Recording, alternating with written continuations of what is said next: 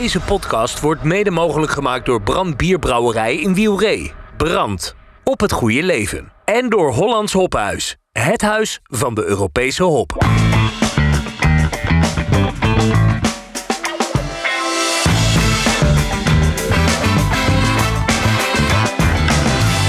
Welcome to the Brewpod.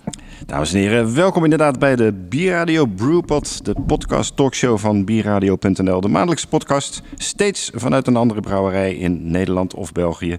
En vandaag zijn we te gast bij brouwerij Ramses Bier in Hoge Zwaluwe, Wagenberg. Ik weet nooit wat nou het juiste plaatsje is, eh, maar we zijn te gast bij Ramses, die eh, we uitgebreid gaan interviewen een uur lang over zijn mooie brouwerij. En ook of nou in Zwaluwe of in Wagenberg zitten. Mijn naam is Fedor Vogel, uitgever, hoofdredacteur van Biermagazine, Brouwmagazine en Bierradio.nl. En de techniek wordt als vanouds verzorgd door Bob den Breeën. Voordat we onze gast gaan interviewen, beginnen we eerst met het laatste biernieuws. Bierradio.nl Biernieuws. Vanaf de redactie van Biermagazine.nl Welkom uh, Ramses. Uh, fijn dat we hier, uh, wat is het, in Wagenberg of in Hoge Zwaluwe te gast mogen zijn. Precies op de grens. Je Kijk. rijdt Wagenberg in en bij de onderhandelingen hebben ze het volgens mij ooit nooit goed gedaan. maar het is gemeente Drimmelen? Het is gemeente Drimmelen en, en... ik vind Hoge Zwaluwe wel leuk, want ja. al mijn bieren hebben dierennamen. Ja, ja, ja. ja. maar ja, ehm, je bent gewoon in Wagenberg. Ja, ja. Laten wij eens beginnen, zoals bij elke uitzending doen, met een uh, mooi bier. Je hebt uh, iets klaargezet. Waar gaan wij uh, op proosten aan het begin van deze uitzending? waar we op gaan proosten. Nou ja, we mee gaan proosten, sorry. met een dorstige tijger en een luiaard. Ja. En dorstige tijger is mijn IPA. Ja. En die brouw ik eigenlijk al vanaf het eerste uur. Ja. En de luiaard is een variant daarvan. Ik maak heel vaak de laatste paar honderd liter van een brouwsel doe ik iets leuks mee. Um, dat is gewoon sowieso leuk om iets te leren. Ja. En uh, het helpt ook met je voorraad. Heb je meer verschillende bieren in de, in de verkoop. Ja. En ik heb altijd al een, uh, ja, een bier met een CBD willen maken. Met CBD? Uh, CBD is zeg maar de alcoholvrije variant van cannabis. Ja.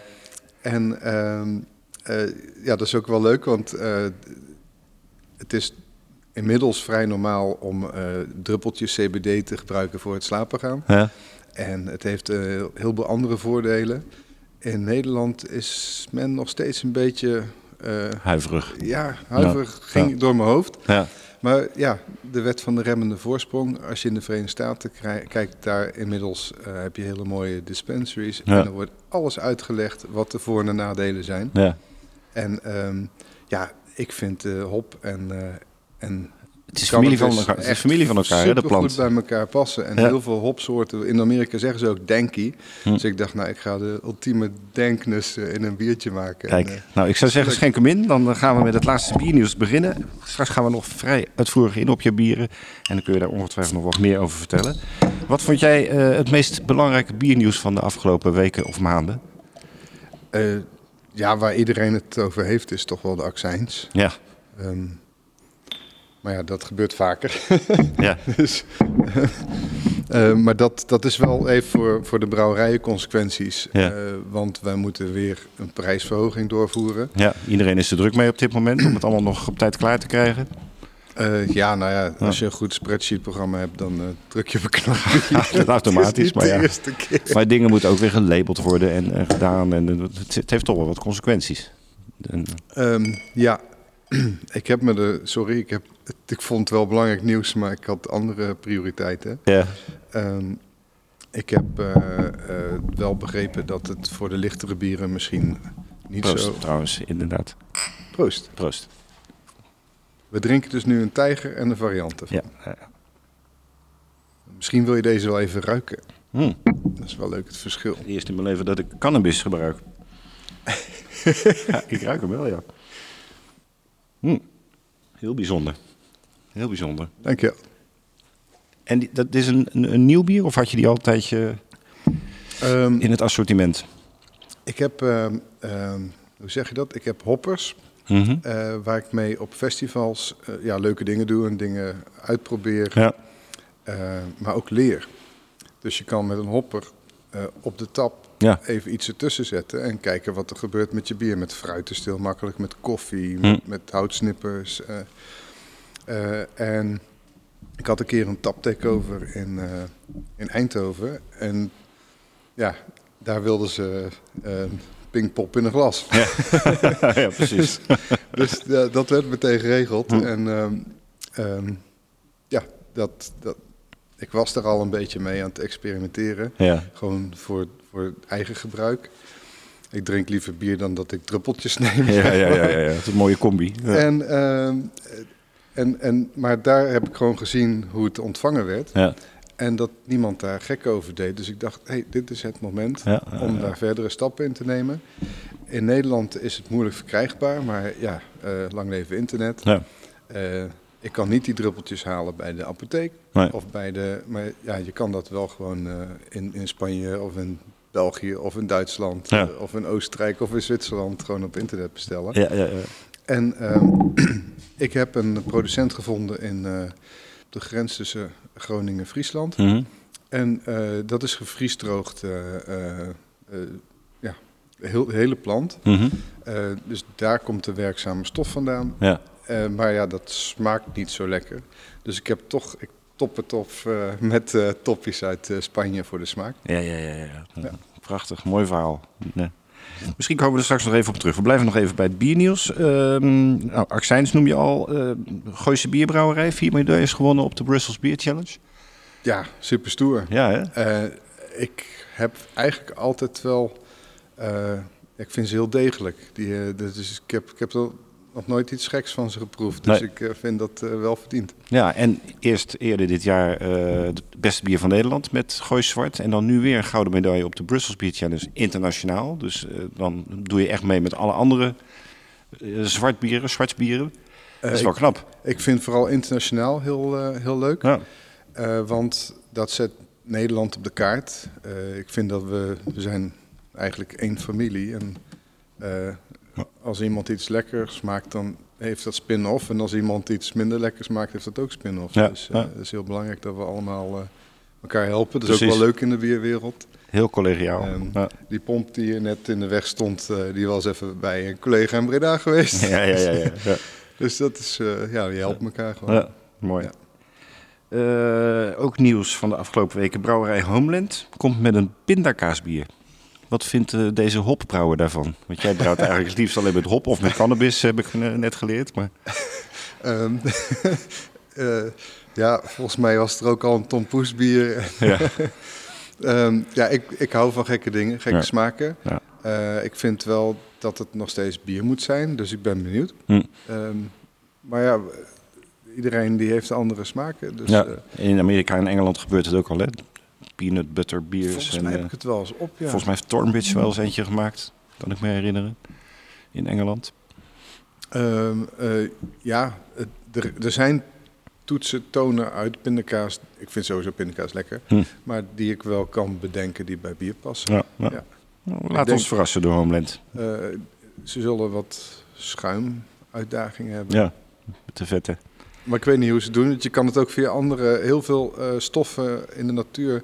Die, eh, die zijn chemisch hetzelfde... maar die zitten ook in andere producten. Ja. Dus je kan het ook gewoon ergens anders vandaan Ja, halen. ja, Als je het goed analyseert. En, ja. ja. en ja, de, vlakbij hier in de buurt, Breda, de zoveelste crowdfunding ronde van Frontaal. Hoe kijk jij daar tegenaan? Ik vind het knap van hem. Ehm, ja, eh, ik, ik, ik ben gewoon eh, aangenaam verrast dat, Mhm. eh, dat dat gewoon kan. Hm. Eh, ik heb dat zelf ooit ook gedaan. Bij mij is dat ja, wat moeilijker. Ik weet niet, hij heeft een goed PR-apparaat. Het, is een groot, ja, het is echt een mooi groot bedrijf. Ja, ja. Blijkbaar is het nog steeds nodig. Ja, ja, dat. En dan denk ik van ja, het moet waarschijnlijk toch ook allemaal ooit wel een keer terugbetaald worden. Maar, Eh, volgens mij heeft hij wel een slimme constructie Hm. dat je gewoon eh, mede-eigenaar bent. ja, ja, ja. Nou, we blijven het met veel interesse volgen. Eh, had jij nog meer biernieuws waarvan je zegt van nou, dat viel me op of dat is interessant? Of... Ehm, nou, ik heb gewoon heel hard gewerkt. Ja, dat doe je goed. dan gaan we door naar het interview. Kijk ook op bierradio.nl voor het laatste biernieuws. Ja, het laatste biernieuws, daar beginnen we altijd mee in de Bierradio Brewpot. En nu gaan we echt eh Ramses Snoei, eigenaar brouwer van brouwerij Ramses Bier, eens even lekker aan de tand voelen over zijn eh, prachtig mooie brouwerij. En vooral zijn prachtige mooie bieren. Ramses, om even bij het begin te beginnen. Vertel eens kort waar jouw liefde voor eh, bier vandaan komt. Ik kan me herinneren uit eerdere interviews dat je ouders een café hadden. En dat je zelf al heel vroeg in de Bijert kwam in Breda. Ja, ja, ja. ja. En daar is het een beetje ontstaan, denk Dat ik. mocht hè? toen nog, Ja. toen je 15, 16 was. Ehm, ja, volgens mij was ik 14 toen mijn ouders met die kroeg eh, begonnen. Mhm. Dat is in Dongen. Mhm. En eh, dat is leuk, want eh, ik mag nog steeds bier leveren aan die kroeg. Oh, die bestaat nog steeds. Ja, ja, Ja, leuk. Ja. Ja, de Hamse Bok. Superleuk café. Ook met carnaval heel leuk. Ja, ja, ja. En ehm, eh, ja, dan sowieso, volgens mij toen ze het café verkochten en een restaurant begonnen Mhm. in Oosterhout, waar we woonden. Eh, toen, eh, ja, toen werd ook trouwens een van de sponsoren van, van was Brand. Ja. was heel leuk. Ja. Die begon toen met eh Sylvester en met wat leuke bieren en de Up en de Imperator. En ja, dat, dat vond, en ik denk dat Brand mij verpest heeft. Ja, ja, ja, ja. Die zijn gewoon begonnen met hoppige bieren en met spannende bieren. En in Brabant hadden we al natuurlijk België, maar ik vond Ja. het ook wel heel leuk dat het uit Nederland kwam. Ja, ja. En eh, in het noorden van Nederland was eigenlijk alles pils nog toen. En het was gewoon, eh, ja, meteen, ja, je bent gewoon puber. En ik, ik was ook veel op de rugbyclub. Daar was natuurlijk ook altijd, eh, eh, ja, gieters bier die rond. Ja, ja, ja, ja, ja. En dus ja, zo is, en daar hadden ze ook brand. Ja. Dus je bent eigenlijk gewoon met brand begonnen. Dat is Ja, wel grappig. ja, ja. En toen ging je op je zeventiende naar Amerika. Eh, volgens mij om te studeren, maar ook eh, met- als sidestep dat je daar eind jaren tachtig met brouwen in aanraking kwam. En met, met, met name de hopcultuur. Eh, ja, ja, ja. Hoe, in welke volgorde ging dat? Wat, wat ging je nou studeren in, in Amerika? Ehm, ja, ik had hier een beetje mijn schepen verbrand. ja. Dus, en mijn vader die woont daar nog steeds. Ja. En eh, dus ik vroeg, pap, kan ik bij jou komen wonen en, Ja. en gaan, naar school gaan? En ja, toen ben ik, heb mezelf naar binnen gepraat bij een college. Want Ja. ik was eigenlijk te jong daarvoor. Maar ik dacht, ja, dat, dat moet gewoon kunnen. Ja. En ehm, daar ben ik eh, ook begonnen met biologie. Mhm. En met ja, milieukunde en dat soort dingen. Mhm. Ehm, en ehm, ja, daar heb ik ook gerugbied. Dus dat, Ja. lekker bier drinken ging gewoon door. Ja. En eh, toen begonnen er al een paar. eh, Samuel Adams was toen Mhm. begonnen. En er waren al een paar interessante merken naast eh, de doordrinkbieren zoals eh als Coors. En, Want jij zat in Oregon volgens mij, hè? in die kwam ik, ik ben begonnen in Connecticut Ja. en toen via Boston, Martha's Vineyard. Ehm, en in Boston had je natuurlijk al wel wat leuke Ja, ho- ja. horeca met... ehm, Brewpubs-achtige dingen. nou, nog helemaal niet. Niet, nee? Nee, maar wel, wel al... Daar begon het al wel een beetje met dat, dat bijvoorbeeld Samuel Adams en Moose. En, ja, het was nog heel karig. Ja. En pas toen ik naar Oregon verhuisde... Mhm. Daar was toen de bierrevolutie gaande. En ja, daar waren ook eh, opeens allemaal brouwerijen. Toen ben ik een keer naar San Francisco gereden. En ik had twee weken. En ik probeerde iedere brouwerij te bezoeken. Hm. Maar dat lukte niet. Dus eh, het waren er al Zoveel waren er al, ja. ja, Ja, ja, en dat zijn er nu natuurlijk nog meer. Ja, ja. En ehm, eh, ik woonde vlakbij een brouwerij en daar was ik natuurlijk heel vaak. Kon je Hmm. lekker eten. Eh daar ben ik ook gaan helpen. Een collega van me die brouwde ook. En die zei van, ja, je bent een bierfanaat, Kom maar kom mee. helpen. Ja. Ja, en toen heb ik meteen spullen gekocht. En toen... Toen was- begonnen. Ja. En Ja. toen was je 18, 19 of zoiets? Eh, nee, toen, 20? toen was ik wel 20 of 21. Hm, Ja. Ja, maar daarvoor, nee, ik was volgens mij, ik mocht officieel nog niet drinken toen ik wel al brouwde. Dat dat was een story of your life toen al. Ja, dankjewel, mam en pap. Je maakte er in de jaren negentig eh, eh, kennis met de Amerikaanse hopsoorten en, en het gebruik van eh, verse bloemige hop. En dat is, is heel jouw leven eigenlijk bij je gebleven, denk ik. Hè? Dat, eh, Ehm, ja, ik, ik kan me herinneren dat de eerste keer dat ik dus zo'n zak gevacumeerde hop open knipte. Toen heb ik de hele dag met mijn hoofd in die zak gezeten. dat was zo lekker. Ja, ja, ja. Ehm, en ja, ehm, ik heb ja, natuurlijk als Nederlandse puber eh, eh, heb je ook interesse in, de- in de marihuana-plant. Mhm. En in de Verenigde Staten hebben ze daar ook goede varianten van. Ja, ja, ja. En dus ik vond dat sowieso altijd al wel lekker. Ja. En ehm, ja, en dat, dat, dit er ook nog lekkerder. Ja. Veel frisser nog. Ja. Dus minder denky. Ja, ja, wat ik nu wel ook in bier lekker vind. Maar, ehm, het, het, het- ik was zo aangenaam verrast met, met de citrustoetsen Hm. en, en eh, ja, de diepgang van die plant. En als Ja. je dan ook gewoon de, aan de belletjes zat en, en als je dat openbrak, dan kwam er nog meer. En, ja, eh, inmiddels weten we dat er eh, echt heel erg veel eh, stoffen in zitten Ja. die we op verschillende manieren kunnen eh, gebruiken in het brouwen. Dus Ja. het is echt wel... eh, Geëvalueerd. heel Mooie erg. plant. Ja, zeker. Ja. En daar werd het ook verbouwd. Dus eh, Hm. ja, dan is het ook vers. Ja, eh, eh, eh. Wanneer kwam je terug naar Nederland en waarom? Waarom ben je niet in Amerika gebleven? Ehm, ja, dat was moeilijk. ik was eigenlijk wel van plan. Ik had me net ingeschreven bij de Universiteit van Oregon. Ik wilde daar envi- environmental science studeren. Ik speelde al rugby voor dat team. Mhm. En toen brak de golfoorlog uit. Oké. Ja. En ja, dat, dan zie je gewoon dakloze Vietnam-veteranen op straat. En je, je ziet mensen scanderen, don't hold back, nuke Iraq. Hm. En oh ja, en eh, jij bent eh, gay, dus we gaan jou ook eh lastigvallen. Het werd een beetje Ja, een andere cultuur in Amerika beetje, waar je je niet zo thuis voelde.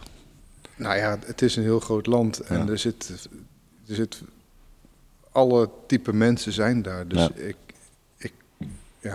ik ben er, omdat mijn familie daar ook woont, ben ik er eh, heel zo vaak mogelijk. Ja. Eh, en ja, ik vind het gewoon dat er heel veel fijne mensen wonen. Maar dit deel, deze mensen waren doorgeslagen. Ja. ja. Dus dat, dat was de belangrijkste reden voor jou om Ik- te zeggen van ik ga terug. Ik wou daar toen niet blijven. Nee. Eh, ik heb toen, sterker nog, we waren aan het demonstreren tegen de oorlog. Mhm. En ehm, ik heb toen mijn vriendin aangekeken. En eh, ja, zei van, zullen we hier weggaan? Hm. Ik vind het niet meer leuk. En eh, toen hebben we, zijn we, eh, het was namelijk voor het stadhuis, zijn we naar binnen gelopen. Ik had een bord vast, push pull out like your father should have. en, en dat heb ik aan de bewaker ingegeven. Toen hebben we ons eh, ingeschreven om te trouwen. En toen zijn we getrouwd, eh, een paar weken later, in een brouwerij. Ja. En, ehm, Tuurlijk, logisch. en toen zijn we naar Nederland gekomen. Ja, ja, Mooi verhaal. En toen kwam je in Nederland. Eh, toen ben je volgens mij ook nog weer hier gaan studeren. toen moest ik een nieuwe studie vinden. En, maar je bent wel ook gelijk gaan brouwen. Of was dat later pas? Ja, dat was grappig. Ehm, ik was daar al verwend met winkels die, eh, die al net zo uitgebreid zijn als wat we nu als hobbybrouwers in Nederland gewend Ja. zijn. En er was niks. Eh, Ja. Je kon bij een paar drogisterijen wat spulletjes halen, maar ja, droge gistkorreltjes en heel erg oude hop. En. Ik ben toen ook naar Antwerpen gereden. Ik dacht, nou, dat is een bierland, daar moet ik wat vinden. Was nog minder te krijgen. Ja, ja. Dus, ehm, ja, toen heb mijn eerste bier in Nederland was ook een, eh, een, eh, een triple. Ja. Dat leek me het handigst. Ja. Om dan eh, in ieder geval deze stijl... Met de dingen die je, die je Ja. kon krijgen, zeg maar. Ja. En nou, doorzoeken, toch goede hop gevonden. Hm. En toen, toen heb ik eigenlijk mijn eerste dorstige tijger, dorstige tijger gemaakt. Ja. En dat deed je bij de Drie Hoornen in Kaatsheuvel? Nee, dit Of was, dat eerst was nog thuis. gewoon thuis nog? Wanneer Ja. ben je dan naar- overgestapt naar de Drie Hoornen? Ehm, ik denk dat ik ehm, eerst tien jaar als hobbybrouwer heb Toch wel, ja. Hm. En pas toen ik in Brabant kwam wonen, toen eh, ben ik naar Driehoorn gegaan. En eh, ik heb best wel lang in Utrecht gewoond. Gestudeerd? Ja. Hm. En dat bier nam ik ook mee naar de rugbyclub. Dus eh, dat, ik was daar barmanager en dan had ik... ja, ik kon gewoon... voor de prijs van pils kon ik dan bier leveren. Dat kon toen allemaal. Ja, ja, ja. Ook, eh, was ook heel leuk. eh, eh, het Bokbierfestival, het allereerste Bokbierfestival in Utrecht. Hm. Toen hebben Marcel werkte toen voor... ehm, Marcel Snater? Ja, Ja. die werkte toen voor dat café, hoe heet dat café nou? Wat, Ledig Erf was het volgens mij, die dat festival ook mede organiseerde. Ja, ja, ja. En die vroegen van, eh, kunnen jullie niet een, eh, een bokkie maken? Want dan hebben we ook gewoon een hobby eh, Ja. bier. En, en wil je dan ook je thuistapje, wat je zelf in elkaar hebt geknutseld, meenemen? dat was superleuk. Ja, het is echt nog heel, heel erg in het begin van de, de craft beer tijd, zeg maar, in Ja, Nederland. ja. Ja. En toen ik naar de Driehoornen ging, toen was eigenlijk was er hier in het dorp een actie voor het behoud van, het, van de kerk. Eh, want de pand ja, had onderhoud nodig. Ja. En, eh, ja, ehm, ja, ik ben naar die bijeenkomst gegaan en ik, toen hadden ze een beetje spanning, een beetje ruzie. En toen zei ik van, nou, als ik nou gewoon een bier brouw en ieder biertje is een baksteen, dan is Ja. het toch goed? En toen was de sfeer meteen weer goed. Bier verbroederd, hè? Ja. Ja, ja. En ehm, eh, Wat voor bier werd dat trouwens? Dat is een dubbel geworden. Ja, past wel. Ja. En, maar we wilden eigenlijk een Gemaris bier maken, want kerk heet Gemaris, Ja. maar dat bestond al. Ja, ja, ja. En toen zijn we gaan uitrekenen en zij vonden het eigenlijk niet lucratief genoeg, maar ik had al de afspraak gemaakt bij Driehoorn. Ik dacht, nou dan maak ik drink het zelf wel op. en toen had de klimhal dat door, dat ik een goede voorraad bier had. En toen is eigenlijk de handel begonnen. Oké. Hm. En eh, ja, Van het een kwam het ander toen ben ik maar bij blijven bestellen. Maar Ondertussen was je wel afgestudeerd en ben je in Schiedam volgens mij gaan werken als, eh, wat was het, beleidsmedewerker natuur en milieu. Ja, ja, ja, ja. Dat was in diezelfde tijd, denk ik, zo'n ja, beetje. ja. En toen, ja, door de jaren heen eh, steeds meer uren inleveren Ja. en steeds meer bierfestivals en brouwdagen. En Ja, Ik denk dat ik, ja, ehm, iets van tien jaar als hobbybrouwer, tien jaar eh, bij Chef, Mhm. met die Hoornen, en tien jaar ehm, ehm, hier. ja. Nou ja, En hier is volgens mij al twaalf. Nee, in, ik- in 2007, als ik mijn huiswerk goed gedaan heb, ben je echt voltijds gaan brouwen en, en ben je echt commercieel gegaan. Mhm. Toen ben je volgens mij gestopt in eh, Schiedam eh, eh, als beleidsmedewerker. Eh, ja, ik kon eh, volgens mij in 2003 heb ik het bedrijf opgericht. Mhm.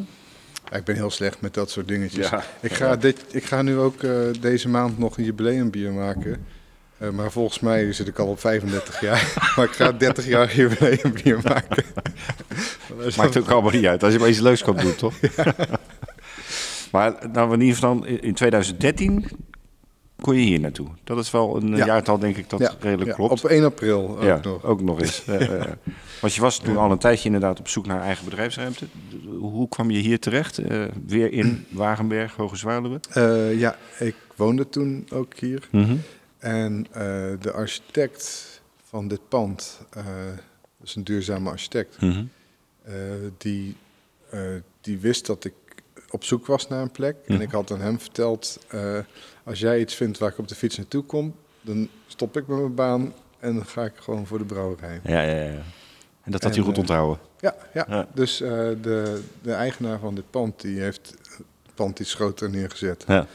En eh, ik was meteen betrokken bij de, bij de tekeningen. Ja. En Constant Keinemans erbij gehaald. Ook van hoe zit dat met een vloer. En, Ja. eh, eh, nou ja, er zijn toch nog wat dingen fout gegaan. Ondanks Nou ja. dat we er bovenop hebben gezeten. Ja. Ehm, Maar Ja. gewoon een heerlijke plek. Hè? Hier zit je denk ik toch al eh, sinds 2013, ja, 10 jaar, eh, naar volle tevredenheid.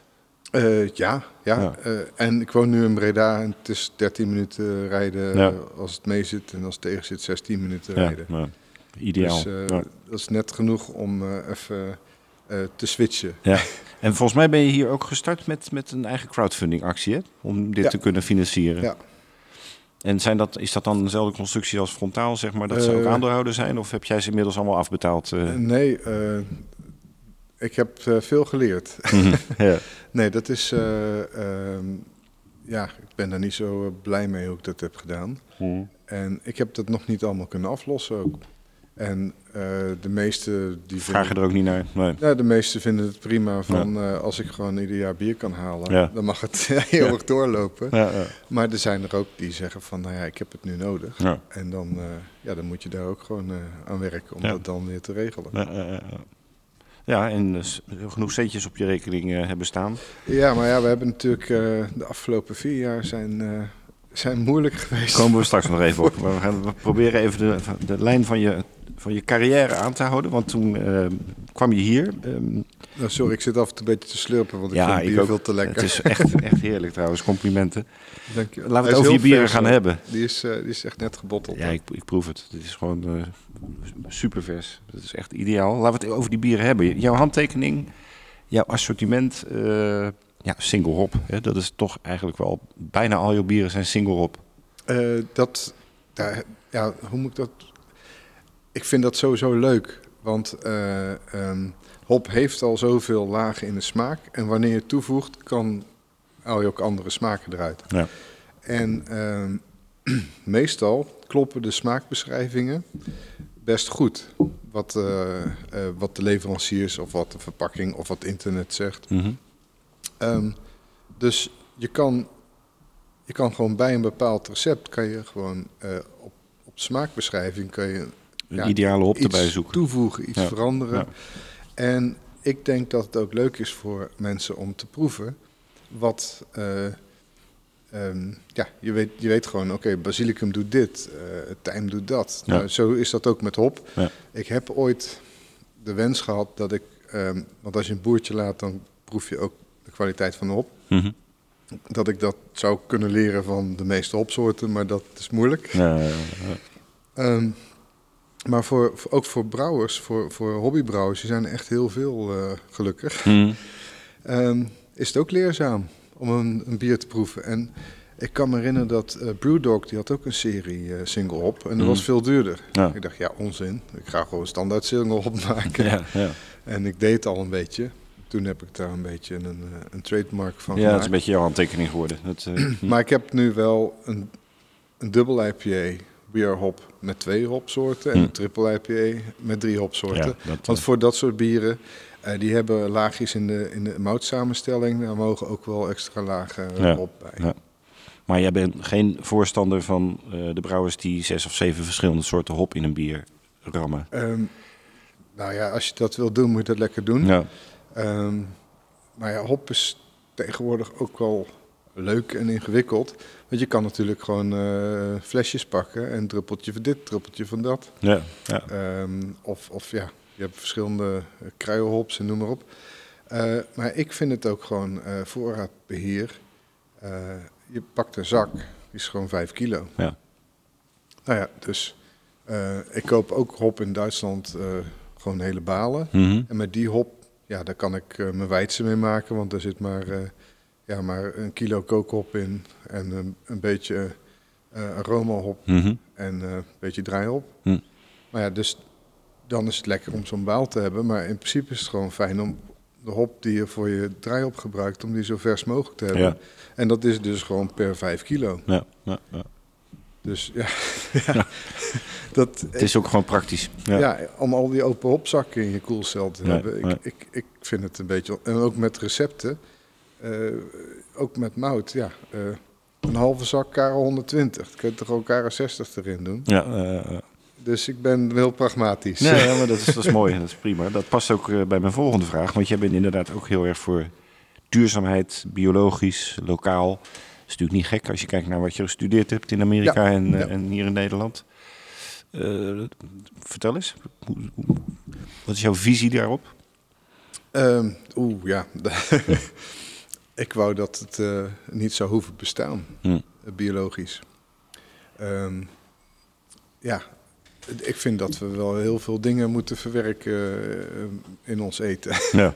En dan ook wij als mens moeten verwerken. Dus ehm, eh, ja, als je kijkt gewoon wat er in diervoeder zit, wat er in diervoeder mag zitten, Hm. eh, wat wij. eh, kijk, de nieuwe hype met vapen. Het is helemaal niet bewezen dat het gezond is. Het wordt gewoon verkocht. Ja. En, en nu blijkt dat het toch niet gezond is. Nee, ja, ja. Wat een Dus- verrassing. Ja. Ehm, ja, ik, ik ben heel erg bewust dat we eh, landbouwhulpstoffen nodig hebben. Hm. Ehm, maar bijvoorbeeld op het moment dat, dat de- we toen dat probleem met die eieren hadden, die eieren hoef je niet te vernietigen, kun je ook shampoo van maken. Hm. Dus we, we, we denken niet praktisch. En eh, net als, ja, ik heb een gekke idee daarover. Ehm, zoals een dierenarts eh, eh, een veehouder helpt, zo zou je dat ook kunnen doen met de akkerbouwers.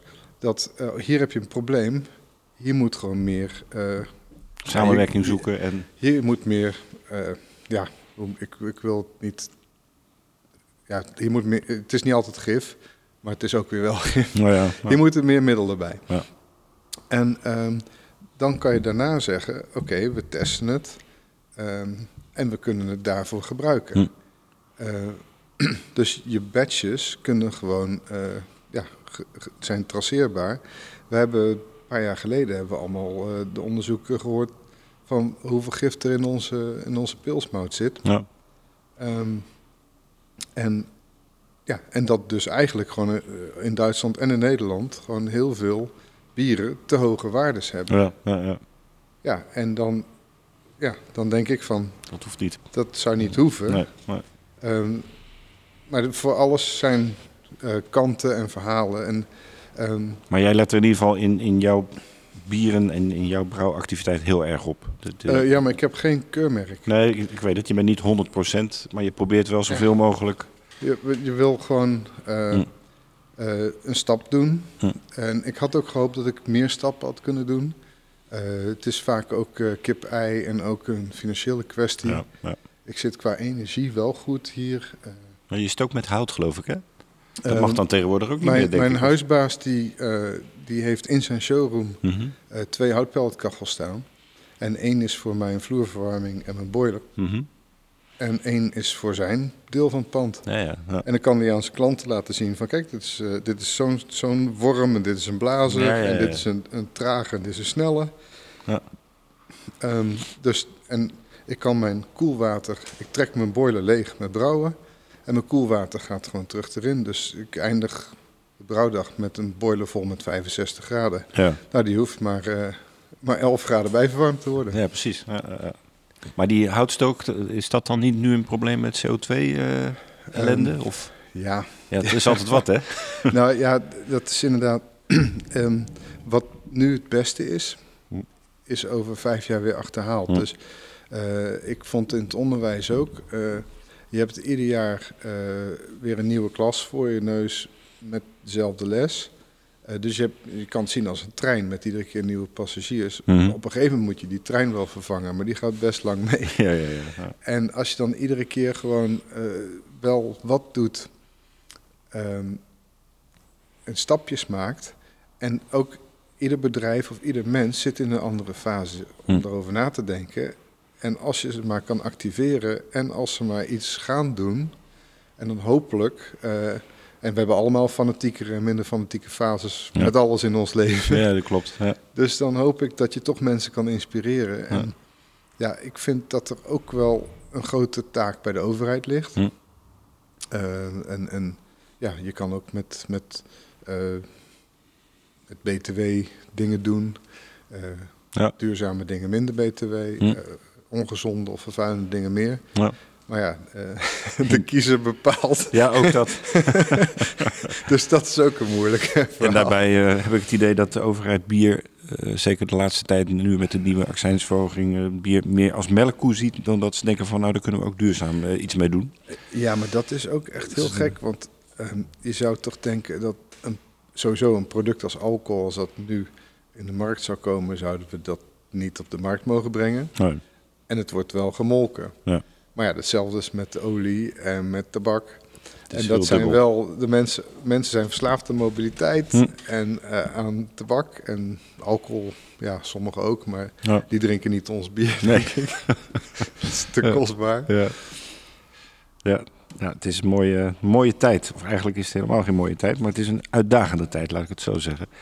Even nog terug weer naar jouw, eh, jouw bieren. Je hebt eh, volgens mij twaalf vaste bieren, het reguliere assortiment. En gemiddeld zo'n twaalf verschillende specials, waaronder ook eh, veel collabs. Ja, Leg eens uit, eh, wat is jouw filosofie om het op die manier te doen? Ehm, ik merk dat eh, sowieso is het leuk als, als brouwerij om een verhaal te hebben. Mhm. En ehm, ja, ik heb natuurlijk vier bieren die, die ik, ja, als, als ze op zijn, dan moeten ze er echt weer staan. Want die worden gewoon veel gevraagd. En er zijn ook bieren, dat is niet erg als dat een maand of zelfs een half jaar er niet is. Hm. Ehm, en wat ik ook merk is dat er eh, best wel wat klanten zijn die, ehm, die niet maar één bier bestellen. Hm. Die zien ook dat bieren samen een verhaal zijn. Ja, ja. En dus als je een wat breder assortiment hebt, eh, dan heb je ook meer ja, eh, meeverkoop. Ehm, dus dat is handig. Eh, voorraadbeheer zou je denken dat is lastig, maar daar heb ik een truc op gevonden. En dat is dus wat ik daar straks zei al, met, eh, eh, dat ik vaak bij de laatste paar honderd liter iets leuks doe. Ja. Bijvoorbeeld bij de Mamba ehm, heb ik koffie erbij bij de tweede, dus dat is de Illimani. Ehm, en bij, ik, had, ik was dit voorjaar op, in Griekenland en daar zaten we bij de IPA-bar op Kalimnos, een klimmers eh, kroeg. Mhm. En we, we dronken daar een drankje met mastiek. En dat was zo lekker en zo fris. Ja. En dat had hop, hop overeenkomsten. Ja, ja. Terwijl je gewoon een soort van oezo zat te drinken. Ja, ja, ja. En ja, dus we kijken elkaar aan van dit moet in een bier. Ja. Nou, we hebben dat spul daar, eh in, zat in alle eten verwerkt. Dus we hebben alles geproefd wat er met de proeven viel. En, Mastiek, zei je? eh, ja, ja. Is dat een soort... eh, eh, want in Oezo zit... eh, hoe heet dat? Eh, zo, ik kan het honderd keer zeggen, maar... eh, kom ik straks wel weer op. Ja. Maar is dat vergelijkbaar met wat er in Oezo zit? Die, dat Eh, kruid? eh, nee, mastiek, eh, het drankje wat ze ervan maken is mastica. ja. En ehm, het is een hars van een boom. Dus dat is ook leuk, want we, Hm. we hebben ook al dingen met dennen gedaan natuurlijk. En ehm, die hars, dat is een, een boom die, die lijkt op de eh pistacheboom. maar die Mhm. groeit dan alleen op één eiland, Griekenland. Dus die Grieken zijn er hartstikke trots op. En die Ja. maken er, al, er zit in kauwgum en er zit in... Het, eh, het schijnt goed te zijn voor de maag. Hm. En ehm, ja, het, thee en, en, en, en ook gebakjes, weet ik het allemaal. En dat heb je mee kunnen nemen of heb je kunnen importeren? en Eh, dat- ik heb het toen daar in een toeristenwinkel gekocht. Ja. En eh, meteen ook als kauwgom geprobeerd. Nou, zat drie dagen aan mijn tanden. Want het Ja. is wel echt, eh echt resin. Ja. En, ehm, eh, maar je kan het gewoon, gewoon op internet kopen. Dus de tweede en derde brouwsel inmiddels heb ik gewoon, gewoon besteld. Mooi verhaal. Ja. En ja, het is heel leuk, want eh, het smaakt als een IPA. Eh, maar ik merk wel dat mensen die zeggen ik lust geen IPA, die lusten dit dan weer wel. ja. Dus dat is heel grappig. De wonderlijke smakenwereld. En, maar dus inderdaad, eh, ik had ooit twaalf vaste bieren. Hm. Ik probeer ze te hebben. Maar daar zit ook een beetje seizoensvraag bij. Dus ja. ik maak nu even geen extra brouwsel Weidse. Ik maak ook even mijn, mijn pilsner even niet. Nee. Eh, die moeten gewoon in, eh in Als maart het eh, weer staan. voorjaar er weer komt. Ja, precies. Ja. En de specials zijn inderdaad ook vaak collabs. Hè? Je doet natuurlijk nog steeds heel veel samen met collega's. Dan was je ook een van de eerste, denk ik, in Nederland. Ja, ik heb dat. Wij zijn met een groep brouwers een stuk of zes keer, denk ik. Ik weet niet. Het was iedere keer feest in Ja. ieder geval. Altijd zijn wel gezellig. de brewers eh, ehm, ehm, in, in Portland op de, Ja, de, op de Brewers Festival geweest. ja, En daar komen iets van 80.000 mensen. ja. En ja, wij konden daar kiezen om collabs te maken met 90 brouwerijen die Ja. in Portland waren. Een soort snoepwinkel. Een brouwer in een snoepwinkel. En, en, ja, en zij vonden het ook leuk Ja. om die, die, die maffe Nederlanders erbij te hebben. ja. Want Nederlanders snappen wel eh, dat als je ergens bent, dat je... eh, en, en ja, ze betaalden onze reis, Mhm. ze kochten ook bier. En onze overnachting werd geregeld. Zo. Hm. En ehm, dan moet je ook... Wij maakten gewoon een rooster van... We zorgen dat er altijd een paar mensen van ons staan... op die plek waar ze willen dat we zijn. Ja, ja, ja. En Nederlanders, en zeker Nederlandse brouwers, die, die blijven ook tot het eind. Ja, ja, ja, ja, ja, ja. Dus eh, we waren wel toegevoegde waarde en het werd echt gewaardeerd. Ja. Eh, De, de kern van de groep kwam vanuit Utrecht. Ja. En, ehm, dus, en het, het- ook de band tussen die brouwers is echt eh, nog beter aangesterkt. Maar ik denk dat het idee van, van, vanuit daar was om te laten zien dat je in Amerika ben je als brouwer ben je gewoon familie. ja, ja. En als ik nu een brouwerij binnenstap en ze hebben door dat je een Nederlandse brouwer bent, dan, oh, je moet even uit de tank komen proeven. Ja. Even. Ik heb wat vragen voor je, in plaats van dat jij vragen stelt. Ja. En ehm, ja, dat, dat is ook. eh, wij hebben dat ook geprobeerd om dat te delen. Ja. Alleen er kwam vrij snel daarna zo'n explosieve groei Hmm. van ja, ehm, brouwers, maar de meeste ook huurbrouwers. En eh, een, een brouwer met een eigen brouwerij, eh, dat is makkelijker om dat als familie te zien, want dan heb je ook inkoop en je hebt je andere Je uitdagingen. hebt, precies, je andere- hebt dezelfde problemen. eh, en, je hebt de hele techniek. je, je, je moet de keuzes maken over welke koeler, over. En een huurbrouwer heeft dat niet. Dus nee, nee. er zijn andere gesprekken. Maar je, je doet het nog steeds, hè? Collabs maken ook. eh, Eh, ja, er staat er een voor eh, eh, over tien dagen op de Hm. planning met Rot uit eh, Rotterdam. Ah, leuk. Ja. Ja. Nou, we, we laten ons graag weer verrassen. Dat, ja, ja we gaan een, eh, een, ehm, een sterk, donker sour maken. Kijk, sterk Ja. donker sour. Ja.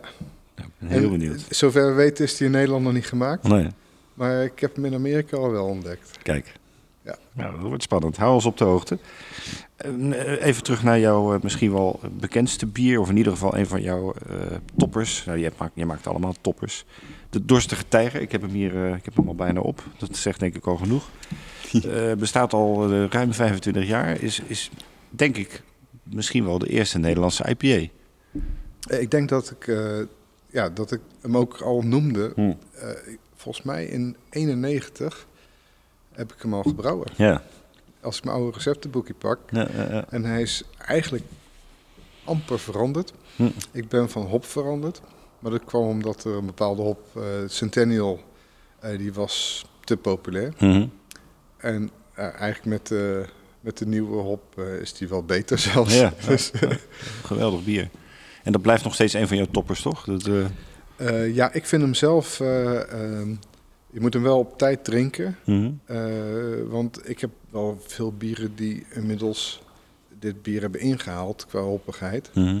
Ehm, maar als je daar, ja, als, als je net hebt gesport en eh, je hebt dorst, dan is het echt een eh. Ja, ja, ja, Hij staat ook in eh Klimhal in Rotterdam als de dorstige klimmer op tap. Ja, ja, ja, ja, mooi. ja, want dat klimmen, dat komt ook als een rode draad steeds terug in jouw verhaal. Dat is ook e- een van je andere passies volgens mij, hè? Dat, Ehm, ja, nou ja, ik ben gestopt met rugby, want dat kan je ook niet heel je leven nee, blijven nee, doen. nee. Ehm, maar ja, ehm, ik ben gelukkig meer sportverslaafd dan, eh, dan dat ik een alcoholprobleem Ja, heb. ja, ja, ja. Dus ja, ik vind sporten gewoon heel fijn. En, en het, ja, het is klimmer geworden. Wat is er zo leuk aan klimmen? ja. Want het is op een klimmuur, hè? Hebben we het dan over? Dus niet eh, klimmen in de bergen, of doe je dat Eh, ook? Ja, hoe leg je het kort uit? Eh boulder is heel bekend en populair. Dan heb je lengteklimmen, Mhm. dat is met een touw. En dan heb je eh, op, Olympische Spelen heb je leadklimmen, Mhm. dus dan moet je voorklimmen. En je hebt ook eh, eh, multipitch, dus dan ga je een wand van 100 meter of hoger. En je hebt big wall, dan zit je er gewoon een paar dagen in. En je hebt alpineren. Dus net als met atletiek heb je allemaal verschillende dingen. Zo, het gaat een hele nieuwe wereld voor me open op dit moment. Maar voor mij is gewoon het, eh, het, het zeg maar een route van, van 20 tot 40 meter is, eh, is mijn, eh, heeft mijn voorkeur. ja. En dan staat er één op de grond en één gaat de wand in. Ja. En ja, daar zoek je dan eh, je grenzen op Ja. en ga je je angsten overwinnen. Nou ja, dat is het, want je zit hoog, maar je zit vast gelukkig. Ja. Maar het is ook, eh, ja, je, op een gegeven moment ben je natuurlijk gewoon doodmoe, want je spieren die houden een keer op natuurlijk. Ja, nou, het is wel fijn. Als brouwer moet je veel sjouwen, dus Ja. dat helpt. de meeste mensen gaan van een kantoorbaan naar een klimband. En ik ben wel wat gewend. en hoe vaak doe je dat? Ik probeer dat twee keer per week te doen. Zo. En, eh, en ook alle vakanties zijn eh, klimvakanties. ja, ja, ja. En je kan gelukkig in België twee uur rijden hier vandaan. Kan je ook al lekker buiten klimmen. Hm. Of in Duitsland. En dan daarna een lekker biertje. Het is een goede, goede smoes om een dorst te krijgen. Absoluut. Ja, mooi. Even terug naar je bieren. Je werkt ook eh, met bijvoorbeeld lokale honing en kersen. Eh, Vertel eens, hoe zit dat? Ehm, eh, ja, officieel mag een trippel dat soort dingen niet erbij hebben. Maar ik vond, ja, dat is ook misschien wel leuk om even te zeggen. Een van de redenen waarom ik niet meer meedoe aan eh, eh, ja, proeverijen of Mhm. wedstrijden of dat soort dingen. Omdat eh, ja, mijn bieren net altijd een twist hebben. Buiten de categorie vallen En- of... Ja. Ja, Ja. dus ik zou in de vrije categorie moeten. Ja, ja, dat kan ook. En, ja, en het is toch best wel kostbaar om mee te doen. Ja, Eh, eh, ik zou ook willen voorstellen, als ik dan nu toch iets mag zeggen. Nee, je daarover. mag alles zeggen. Eh, ehm, ja, het tweede bier wat je inzendt, beetje korting. Derde Hm. bier, nog meer korting. Hm. Eh, en zo krijg, je- krijg je mij ook weer bij de Dutch- Beer Challenge. Mhm. Want ik heb ook begrepen dat er gewoon best wel weinig porters ingestonden worden of Hm. zo. Of Hm. Black IPA's. Of, ja, dus dan, dan ehm, als het zo kostbaar is, dan, ja, dan doe ik niet mee. Nee. En als ik dan ook gewoon, omdat ik, eh, ja, ik vind dat je niet al moet streven om hetzelfde bier te maken. Nee. Je moet jouw interpretatie, de Van- bieren van een brouwerij moeten een verhaal zijn. Dus als ik vier donkere bieren heb, dan moet ik ervoor zorgen dat ik en verschillende gisten gebruik, verschillende eh, eh, alcoholpercentages, verschillende basismouten om dat donker te bereiken. Ja. En dan wordt het een verhaal. Ja. En, ehm, ja, en als we allemaal precies dezelfde dubbel willen maken en dezelfde triple, Ja, ja, precies. dan wordt het een beetje een saai verhaal. En Ja. dat is wat ze wilden op een, op een proeverijwedstrijd. Het moet passen binnen een stijl. En een stijl kan natuurlijk wel allerlei substijlen hebben of subcategorieën. En ik vind dus gewoon een triple met alleen maar pilsmout Hm. en dan met honing, geeft dus een extra diepgang Ja. en een twist aan het bier. Ja. En dan, ja, ik vind het nog steeds een triple, maar officieel mag het niet eens een triple zijn. Ja, ja. Volgens de Belgische eh wens. Nee, ja, goed. Daar kunnen we een, een, een, aparte podcast over opnemen. Over stijlen en, en, eh, en, en, de, en de, Ja. de richtlijnen van stijlen. Want eh, triple is officieel niet eens een, een bierstijl. Oh, het nou, is natuurlijk... dat, eh, sorry. eh, Het is zwaar blond of sterk blond, zoals dat heet. En Ja, ja. triple is natuurlijk eigenlijk voortkomend uit, het, uit de trappisten bierenstijlen. Ja. En wordt in België wel als stijl gezien. Maar formeel is het niet eens een bierstijl. Oh, leuk.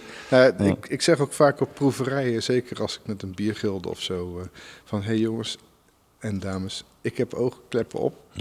En eh, ik weet heel veel over de dingen die ik doe. En ik wil graag leren over andere dingen. Ja, en, ja. eh, ehm, jullie zijn veel breder. Jullie drinken veel meer soorten bier. Eh, Ja. Ik doe ook niks op een tapt. ik zou misschien wel kunnen winnen. Wie het de meeste bier heeft geproefd. Maar ik ga ze niet bijhouden. Nee, ik ben geen postzegelverzamelaar zoals Peter Rauwe van Noord dat altijd zo mooi noemt. Ja, dat is wel leuk. Ja. Nou, maar dat is af en toe, dan staan ze gewoon voor je neus. Ja, op een festival met z'n vieren een slokje te nemen. ja, En dan heb ik zoiets van, de moet leeg. hè? ja. precies. Ja, ja, ja, ja. Ja. Ja, dat zijn niet eh, de biergeeks zoals we er allemaal naar eh, kijken, zeg maar. Laat ik het maar zo subtiel zeggen. Even terug naar ehm, die kersen. Want je hebt lokale honing, maar wat doe je dan met kersen? Maak je dan echt een fruitbier of een kriekachtig bier? Ehm, of? Ja, wij hebben hier eh, in de regio eh, hadden wij eh, natuurlijk Biesbos. Mhm. En ehm, dat is heel leuk. Eh, dan leer je gewoon alle lokale ondernemers kennen. Hm. Eh, en dan ga je ook daar collabs in doen. Ja. Dus met eh imker iets bedenken, eh, met de kersenboer iets bedenken. En dan ook, ik heb ook een keer een oogstfeest mogen ondersteunen met een bar. En dan heb je daar een koor en dan, oh jee, ze hebben pauze. Ik moet even 30 biertjes tappen, Ja, want ja, anders ja. krijg ik het niet voor elkaar binnen Ja. vijf minuten. Mooi. Ja. Ehm, dus dat zijn hele leuke feestjes geweest. Ja. En eh, dan is het ook leuk om hun producten te gebruiken. En dan sta je bij hen in de winkel natuurlijk. Ja, ja, ja, ja. Dat heb ik met eh, drie verschillende kersenboeren gedaan. Mhm. Eh, en ehm, ja, ik vind het heel leuk om springbalsem honing uit de biesbos te gebruiken. Mhm. Ehm, daar heb ik nu ook een andere eh, eh, leverancier voor. Maar het Hm. komt nog steeds uit de biesbos. Mhm. Maar springbalsemien wordt wel moeilijker. Ja. Ehm, maar eh, de Biesbos is een groot gebied. En dat is het enige gebied waar je, zeg maar, een van de weinige gebieden hier in de regio, wat groot genoeg is, waar je het bio mag noemen. Ja, ja, ja. Maar ook dat is niet het grootste. Maar wat voor bier maak je dan van die kersen? Is dat dan inderdaad een soort kriek? Of, of Ehm, gebruik je het op een andere manier? eh? Ik had eh, eh, inderdaad de dubbel Mhm. met kersen.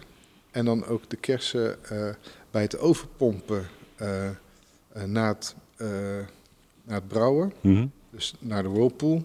dan de kersen erin. En dan worden ze mooi mee door de pomp gepureerd, zeg maar. ja, ja. Ehm, En en geven dan- ze net subtiel smaak af. Ja, dus ik had ook gewoon eh 400 of 600 kilo nodig. Ja, ja, ja. Ehm, en ehm, ja, daar heb ik dus een... een ik had Willem Bever en Eduard Bever. Dat, ja, toch een beetje fabeltjeskrant. Ja, ja, ja, ja, mooi. Ja. Zo vier jaar geleden startte je samen met eh, brouwerij Bliksem, eh, ook uit Breda, proeflokaal Brak. Eh, helaas kwam daar enkele maanden geleden een, eh, een einde aan. Eh, kun je er iets over vertellen, hoe dat zit en waarom dat helaas ten einde is? was zo'n mooie plek. Ehm, ja, En het ging aanvankelijk volgens mij heel goed. Co- Covid kwam er natuurlijk tussendoor. En ja, we hadden echt pech. We waren open en we moesten natuurlijk... Het was een, een, een, een maf industrieel pand. Mhm. De eerste locatie waar we zaten hadden we zelfs... misten we een muur. Hm. Dus we waren echt buiten en Ja. er was vuur en kachels in het, ja, het mooiste terras denkbaar. En als het dan een beetje ging regenen, dan kon je gewoon het pand inlopen. Ja. Maar dan was je toch nog half buiten. En die muur die ontbrak, die was ook op de kant dat, waar het weer het minst vandaan komt. Ja, dus daar hadden we ook mazzel mee. Eh, maar inderdaad, eh, we hebben daar toen drie maanden gedraaid, toen Hm. de winterstop. En toen konden we niet meer open. Toen was opeens eh, COVID. Ja, En toen waren er wat versoepelingen. Hm. En toen viel het allemaal nog mee, want wij hadden eigenlijk het grootste overdekte terras van Nederland. ja, ja. Dus toen leek het allemaal wel goed te komen. Eh, nou, maar weer een, weer een winter. Dus je moet natuurlijk ook sparen om de winter door te komen. Ja, je hebt ook kosten die doorlopen. Hm. Ehm, en dan, eh, ja, met allemaal gekke regels. eh, eh, ja, zoveel mensen mogen je bedrijf binnen. Ja. Eh, ja, ze hebben alles uitgeprobeerd. Ja. En wij hadden best wel veel ruimte. Dus ja, dan sta je ook van, dat is niet eerlijk voor ons. Hm. Wij kunnen echt mensen gewoon de ruimte bieden. Ja. Maar ja, ehm, eh, drive-thrus gedaan. ehm, net te veel omzet gehaald, dus dat je weer geen steun krijgt. Ja, dus dan doe je je best. ja, ja, en dan, Ja. want we hebben eigenlijk gewoon die eerste paar jaar nog best oké gedraaid. Eh, toen moesten we verhuizen, want dat pand... eh, wat was er nou mee aan de hand? Oh ja, er zat Chrome 6 in de verf. Oh. Dus eh daar mochten we opeens niet meer binnen. Nee. Maar ze hadden nog een pand, een paar honderd meter verderop. Dus toen hebben we een hele lockdown-periode hebben we verbouwd. En toen zijn we opnieuw opengegaan, wel met vier muren. Ja. Minder mooi terras, maar wel heel mooi binnen. Mhm. Ehm, maar ja, ook daar weer 's winters dicht. Hm. Eh, ja, je hebt heel veel knoppen waar je aan kan draaien. Personeel wat duurder. Eh, ben je een restaurant? Ben je een proeflokaal? Ja. Eh, ben je een terras? En op een gegeven moment zit je met, met de verbouwing van, van de parkeerplaats. Op een gegeven moment was het betaald parkeren. Ja. Je hebt allemaal van die kleine dingetjes die, die samen beïnvloeden dat je net niet aan het sparen bent om die Nee. winter door te Nee. komen. Dus het is uiteindelijk gewoon niet gelukt. Dus financieel niet eh, gezond.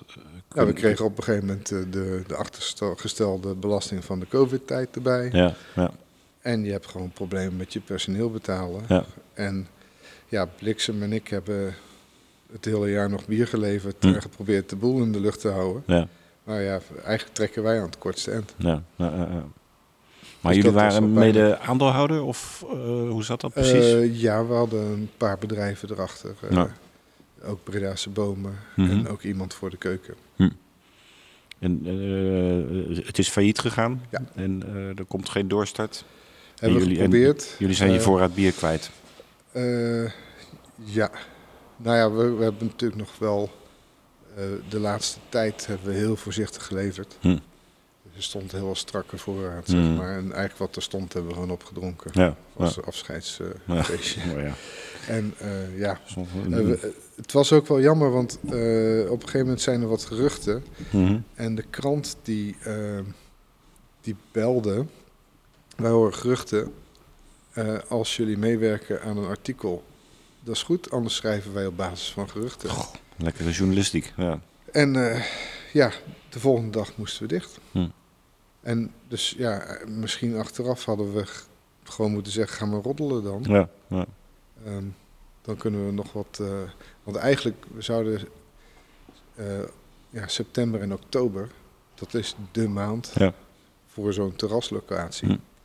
Eh, dan hadden we, als we die hadden gedraaid, dan hadden we misschien nog wel gewoon er nog geweest. ja, ja, ja, We hadden het wel moeilijk hoor. Mm. Dus, maar vooral de, de, ja, de grootste, de grootste leveranciers die achter stonden was, eh, was Bliksem en Ramses. Ja, ja. Nou, hopelijk heeft het eh, niet dusdanig effect op je brouwerij eh, dat die. Ik heb er wel last van hoor. Ja, Het is ja. heel spannend ook Ja, hier. ja, ja. Ja, want Ja. dan heb je ook nog eens twee keer brand gehad. Je hebt natuurlijk volgens mij 2020 eerst brand hier in de brouwerij. En daarna nog thuis in Breda. Ja, hier, hier was opeens de, de heftruck ja, nog net niet ontploft. Nee. Maar alles was... eh, er stond een, een, zo'n geraamte hier. eh, als je daar kijkt eh, waar dat pellet begint. Mhm. Daar, daar stond zo'n zo'n heftruck die, Ja. die was weggesmolten. Alleen Zo. het staal stond er nog. Hm. En de, alles, de hele brouwerij zat een, een laag eh, roet op. Ja, ja. Ehm, maar dat was wel in een lockdown. En ik heb nog een deel van mijn voorraad kunnen redden, want dat zit dan in dozen. En toen hebben we die dozen opengemaakt en het bier in nieuwe dozen gedaan. Hm. Ehm, maar alles wat open was, eh, konden we weggooien. Ja, ja. Alles wat, waar, ja, waar het roet in kon trekken of ja, op. Dus eh, ik had echt heel veel, ik had heel veel mout staan. Ja, dan gooi je gewoon voor 2.500 euro mout weg. ja, ja. Maar je was wel goed verzekerd, eh, heb ik begrepen. Dus, maar je Eh, zit wel in de ellende. Ik had te veel voorraad staan. Hm. Dus eh, als je verzekerd bent voor eh 100.000 euro en je hebt 120.000 euro staan, dan ben je nog maar verzekerd voor 80.000. Ja. En het was COVID, dus ik had te veel voorraad staan. ja, wie niet. Ja. Ja, Hm. dus dat was wel spannend. Eh, maar ja, een pluim voor de bemiddelaar van de verzekering. Ja. Die heeft gewoon eh, gezegd van, eh, ja, we gaan even een plan verzinnen dat het voor allebei de partijen interessant is. Ja, ja. Dus die, eh, die, Die hebben wel meegedacht, ja, die heeft meegedacht. Ja. Ja. gelukkig. Maar toen kwam thuis ook nog een brand, volgens mij. Ja, dat was een half jaar later. Ja. Ik was met mijn dochter aan het klimmen en mijn andere dochter was thuis.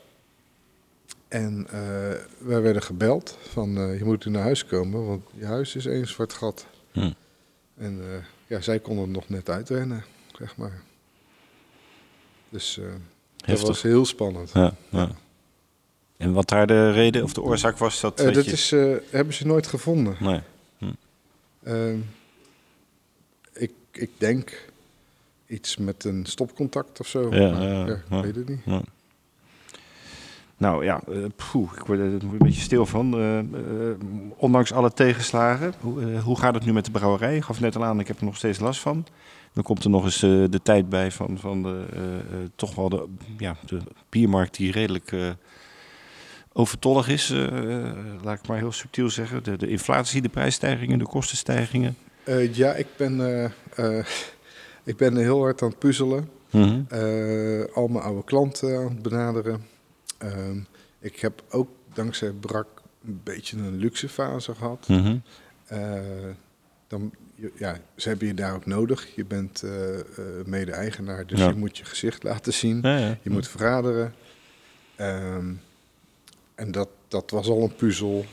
Dus ik vind dat ik daar ook te weinig was. Maar ik hoorde hier dat ik ook hier te weinig was. Dus het is gewoon echt, echt een uitdaging om met twee bedrijven Mhm. zo betrokken te zijn.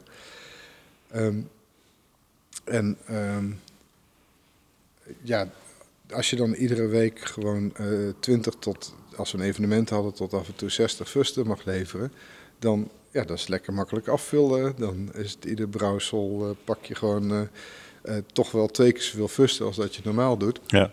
En ehm, eh, ja, je, je, je levert gewoon lokaal, je brengt het zelf. Ja. Er zit geen tussenhandel tussen. Dus verwaarloos je alle tussenhandel. Ja, ja, ja. Eh, dus dat moet ik allemaal weer opbouwen nu, nu brak er niet is. Ja. Eh, plus ook, er stond natuurlijk nog wel wat open bij brak. Hm. En ehm, ja, dat is gewoon eh, hard werken. Maar je hebt er wel het, het goede gevoel over dat, het weer, dat je weer op het niveau komt waar je hoort te zitten. Ik vind het gewoon spannend. Ja. Dus het is ook een slecht moment in het jaar. Ja. Eh, ehm, ik heb altijd, zeg maar, rustigere productie in, eh, Mhm. van november tot en met januari. En dan vanaf februari moet ik weer gas geven voor Ja. het voorjaar. Mhm. Ehm, ik brouw gelukkig heel veel voor Tommy Chef. Mhm. Dus eh, die twee tanks die zitten meestal gewoon vol met Tommy Chef bier. Mooi. Ja. En dat gaat als een speer, hè? Dat, eh Ja, die, bij hem, eh, die Tommy is, eh, is een hype. eh. ja, ja, ja, nou, hij maakt ook gewoon... nou, een eh, hype. Hij maakt geweldige hij is, producten. Ja. Hij is, ja. hij is een hele goede steker, zeg maar. ja. Hij Ja. heeft een paar jaar geleden twee voeders gekocht van 7.500 liter. Ja. En eh, ja, ik, ik weet niet precies hoe en wat hij allemaal doet, maar ik mag in ieder geval wel iedere maand eh, bier leveren. Ja, ja, Dus, ja. eh, dat is heel leuk. Ja, geweldig. Nou ja, dat is mooi. Hopelijk eh, kom je er bovenop. En eh, hopelijk eh, draagt eh, deze Bierradio Brewpot ook een beetje aan bij om eh, je net weer even Ja, terug ik eh, op vond, goede ik vond jullie timing echt gewoon fantastisch. Laten we, laten we het hopen. Ehm, tot slot, bijna tot slot. Je brouwt ook nog wel voor derde, voor collega-brouwers. Je hebt natuurlijk veel voor Dennis Kort volgens mij met Oldschool eh gedaan. Ja. En anderen. Doe je dat nog steeds ook? Ik heb heel veel voor Bliksem, of Ja. met Bliksem ge- gebrouwen. Ja. En ook met Dennis gebrouwen. Ja, ja, ja. En met Ravenbone Hill en met Rot. Ja. Ehm, ook dankzij Brak. eh, en ook met, het was eigenlijk super fijn met een goed voorbeeld. Ehm, Bliksem was aan het groeien. Mhm. Ehm, die zijn ook in Breda gaan brouwen. Hm. Eh, maar bij Brak was het leuk dat het bier van twee brouwerijen komt. En als Bliksembier hier vandaan zou komen, zouden we toch meer op elkaar lijken. Ook al zijn de recepten totaal Nee, maar anders. natuurlijk.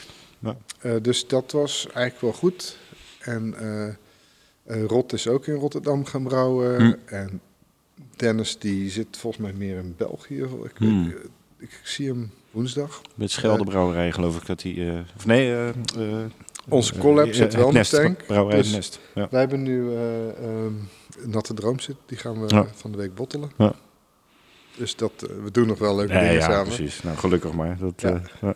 Maar als er brouwers zijn, huurbrouwers, die zeggen van... goh, we zoeken wat ruimte, dan, Eh, dat dan, heb, zou je, kunnen. dan, heb je nog wel, dan wil je nog wel brouwen voor derde. het ligt eraan welke tijd van het jaar. Ja. En ja, het- er zijn natuurlijk pieken dat het niet kan, maar dat is overal zo. Dus, ja, ja, maar de komende maanden is juist een, een tijd dat dat beter kan. ja, goed om te weten. Ehm, je had het in het begin van het interview al eventjes eh, aangestipt. eh, al sinds je brouwt sta je ook heel veel op festivals. En je brengt dan vaak die hopper mee. Je, je gaf het heel, heel aan het begin van de uitzending al, eh, al aan. Om andere ingrediënten tijdens het tappen toe te voegen. Dat, Ja. Ja. Heel bijzonder, dat zie je bijna nooit. Is dat ook iets wat je uit Amerika hebt meegenomen? En hoe werkt dat precies? ja, In het kort. er is een apparaat, dat heet de Randall. Mhm. En dat is van, ehm, hoe heet die nou? Eh, Dogfish. Ja. En die kan je ook kopen. Mhm. Maar het ding is van kunststof. Ja, dat kan niet in de vaatwasser. Hè? Nee, nee, nee, nee, nee. Dus ik heb hier met Rogier, eh, de lassende brouwer, noem ik hem graag. Ja. Die was hier vanaf het eerste uur. eh, ik heb met hem de installatie geïnstalleerd en aangepast. En Ja.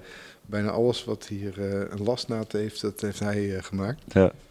En, ehm, ja, en ik had dat idee. Ik zeg, Roger, kom, we gaan zo'n ding maken. Hm. En eh, we hebben er een beetje samen over nagedacht. En ja, ik, ik had eigenlijk één keer had ik een kijkglas gewoon eh, wat van een reinigingsapparaat was. Dat had ik meegenomen naar een festival in Groningen. En daar hop in gedaan, maar dat liep voor gemeten. Nee. Maar dat was eigenlijk wel perfect. Want ik had gewoon een rij met een kraan die veel te traag liep voor de hop. Ja. En dan de andere rij.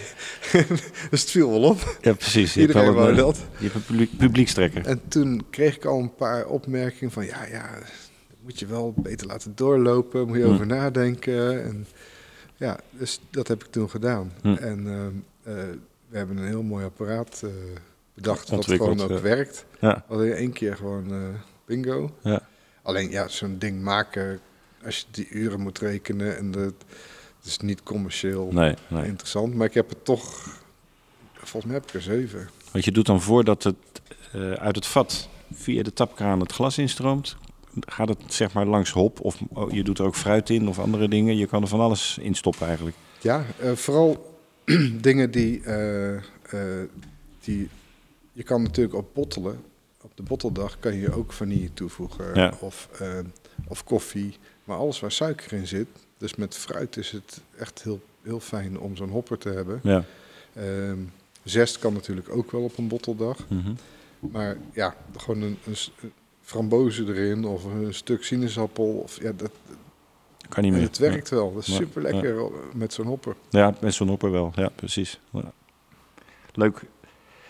Tot slot, eh, sluit een beetje aan bij wat je net zei. Hoe ziet de toekomst van Ramses Bier eruit? Hoe kijk je naar de komende tien jaar? Je had het net al over je jubileum, eh, wat misschien al een paar jaar voorbij is. En, eh, Ja, in ieder geval, ehm, wat ik heel leuk vind, is ja, leuke bieren ontwikkelen. Ehm, en dan met die hopper heb je een idee. Ik kan ook smaken visualiseren. mhm. En dan kan je dat ook nog uitproberen.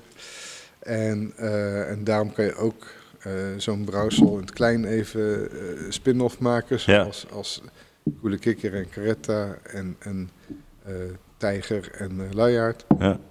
En, dus ik wil zeker meer nieuwe smaken maken. Ik Hm. wil ook dat het altijd nog bier blijft. Ehm, Niet weglopen van je oorspronkelijke visie op, Ja. eh, op bier brouwen. En ik vind het ook heel leuk. Het hoeft niet allemaal hop te zijn, wil ik ook wel even zeggen. Want Mhm. ik heb ook vergeten Nederlandse bieren, eh, zoals naar de haaien, eh, met zeewater Mhm. of eh, de kuit. Kuit, eh, kuitbier, Eh, ja. ja. Eh, daar heb ik een seizoen met duindoorn van gemaakt. Die heb ik een beetje doorontwikkeld. Ik Ja. eerst ook rookmout, maar dat vond ik dan to- toch te veel op haaien lijken. Mhm. Ook de roggestout zou eigenlijk ook rookmout in mogen. Ja. Maar dat, ja, als je dan alle oude bieren, want ik denk dat die allemaal rookachtig hebben gesmaakt, Ja. vind ik dan toch zonde. Ja. Ehm, dus ik wil ook gewoon laten zien dat, ja, en sowieso het verhaal moet breed zijn. eh, dat verschillende doelgroepen ook bij je terecht kunnen. Mhm. Dat je niet alleen maar hoppige bieren maakt. Ik vind het ook leuk om dat te blijven doen. Ja, ja. Ehm, ik wil meer op duurzaamheid eh, gaan doen. Ehm, ik ben aan het praten met een partij eh, voor een eh, thermal solar energy systeem. En dan worden we de, de eerste eh, kleine producent die zoiets heeft. Er Zo. staat een grote in de haven van, van Antwerpen. Ja. En ehm, eh, ik wil meer met zorgum gaan brouwen. Mhm. Dus de, de partij met wie ik dus eh, het zorgenbier maak. Trouwens, we hebben net ook zorgenbier laten testen. We hebben de eerste glutenvrije eh, zorgenbier. En achter je staat kopstoot in de barrels, jeneverbarrels, met Wow. zorgenbier. Dus dat is die kabouw met zijn kop zo, Ja, als kopstoot. En dat haal je ook uit Afrika, die, die zorgen? Nee, die, die is gewoon uit Brabant. Gewoon uit Brabant? Ja. Wordt dat hier ook Ja. verbouwd? Ja, Ja. Dus dat is heel leuk. Dus Ja. zeker altijd een, eh, een barrel-aged bier erbij. Ja. En eh, ik heb ook een keer eh, Willem Bever, wou ik eigenlijk niet mee stoppen. Die hebben we gewoon een, een vat in de biesbos geplonst. en wanneer ga je hem ophalen? Ja, over een paar maanden ben ik jarig. Leuke dag. Dat doen we dan. En dan kijken Dus wat, het, wat het doet. Ja. Leuke dingen doen, gekke dingen doen. Maar ehm, ja, wij, wat wij eigenlijk met, met het zorgum-verhaal en ook ehm, eh, met, met die met energie, Mhm. Dat zou kunnen betekenen dat ook deze brouwerij vervangen gaat worden. En dat we eh, de duurzaamste brouwerij ter wereld worden. Zo? En dan willen we ook een, eh, want die partij waar ik mee werk, die wil dat, die zit erachter. Dus eindelijk heb ik ook iemand gevonden Ja, ja, ja, met de juiste eh, affiniteit en dat klikt goed. Ja. En dan willen we eigenlijk ook een, een keurmerk gaan eh, maken van wat is nou de meest duurzame of de ene of ja, puntensysteem. Mhm. En ook iedereen helpen om duurzamer te worden. Dus we willen dat ook gaan uitdragen en daar dan een soort van eh, op een leuke manier een, een, eh, een challenge te maken Ja. waar mensen uitgedaagd worden en geholpen worden. Klinkt zeer ambitieus en ook echt toekomstgericht in ieder geval. Ja. Heel veel dank voor dit interview. We gaan zo nog even over naar het laatste rondje. Maar eh, ik denk dat je nou, een zeer mooi en open en eerlijk verhaal hebt verteld over jouw eh, prachtige brouwerij. Een van de eerste kraftbrouwerijen van Nederland. eh, waar we in Nederland allemaal apen trots op mogen zijn. En zeker op jouw mooie verhaal. Dankjewel. Dankjewel. En zoals gezegd, we gaan nog even over naar het laatste rondje. De trouwe luisteraars weten altijd eh, dat dat een beetje ludieke vragen zijn, maar ook serieuze vragen. Eh, zoals Ramses, wat is het belangrijkste nieuws waar je nu mee bezig bent? Waar ik nu mee bezig Ja. ben. oh jee. Ehm, ja, wat ik al zei. eh, ja, het is gewoon heel moeilijk om het nieuws te volgen. Ja, ja, ja, ja. Ehm, ik ben heel slecht met nieuws. Ja, ja, dat geeft niks. Eh, Wat vind jij de beste ontwikkeling op biergebied in België en Nederland? Ehm, ik ga eh, vrijdag naar Gent en dan ga ik van alles leren. Dus dan ga ik dat horen. Universiteit? ja, Ja. ja. Ja, ja, Ik ben eh, uitgenodigd. Ik ga samen met, met Martijn van het Zorgen Mhm. Ja. Leuk. van Seedscope. Dus dan ga je ook een beetje, een beetje netwerken met andere brouwers en Ja, en ook vooral wetenschappers. ook zijn netwerk. En Ja. ja. ja, daar gaan we stappen maken voor, voor, ja, voor de duurzame toekomst. Ja, ja, mooi. Mooi verhaal. Welke brouwer of brouwster verdient volgens jou meer aandacht of is onderbelicht in Nederland en of België? Je kent er heel veel. Ik denk eh, Ruben van Vet en Lazy. Want, leg eens uit. Eh, die heeft net een proeflokaal geopend Hm. en die, eh, ja, die heeft ook al wat eh, tegenslagen gehad.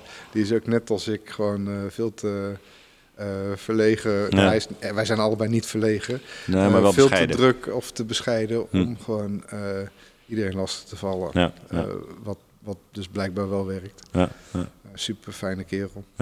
Zit in Rotterdam onder het Tropicana volgens mij, hè? Zijn nieuwe bar. Ja, ja, ja. Mooi verhaal. Ja, nou, mooi, goede suggestie. Wat is jouw favoriete bier-spijscombinatie?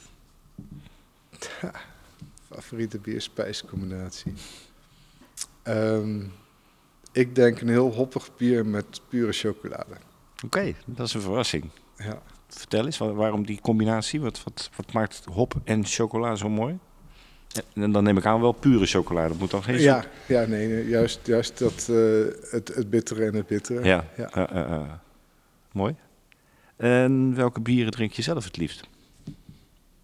Ehm, ik ben net op eh, het Nijpa-onderzoek geweest. Mhm, Ehm, ik heb heel veel Amerikaanse Nijpa's op. mhm. En ehm, ja, die zijn gewoon wel hoppig, Ja. wel zacht. Eh, dus dat was heel leuk, heel leerzaam. Ik wil ook een Nijpa maken. Maar ja, ik drink het liefst gewoon eh, doordrinkbaar hoppig bier. Ja. En, en van een IPA tot een triple IPA. Ja, ja. Mooi. Moeten brouwerijen en biermedia wel of geen aandacht besteden aan politieke issues?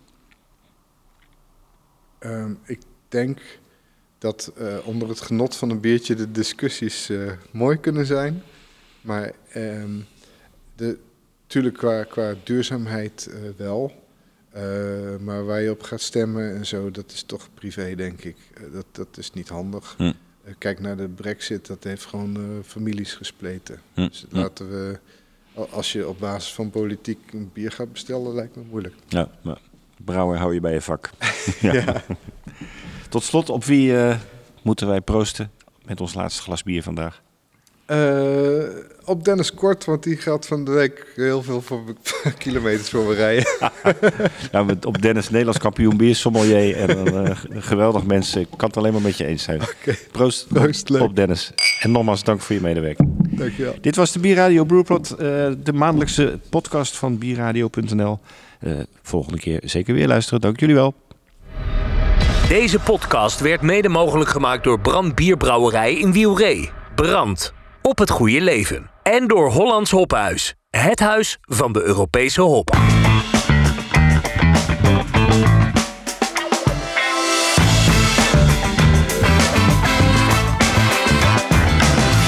Thanks for listening. Until next time at the Brew Pod.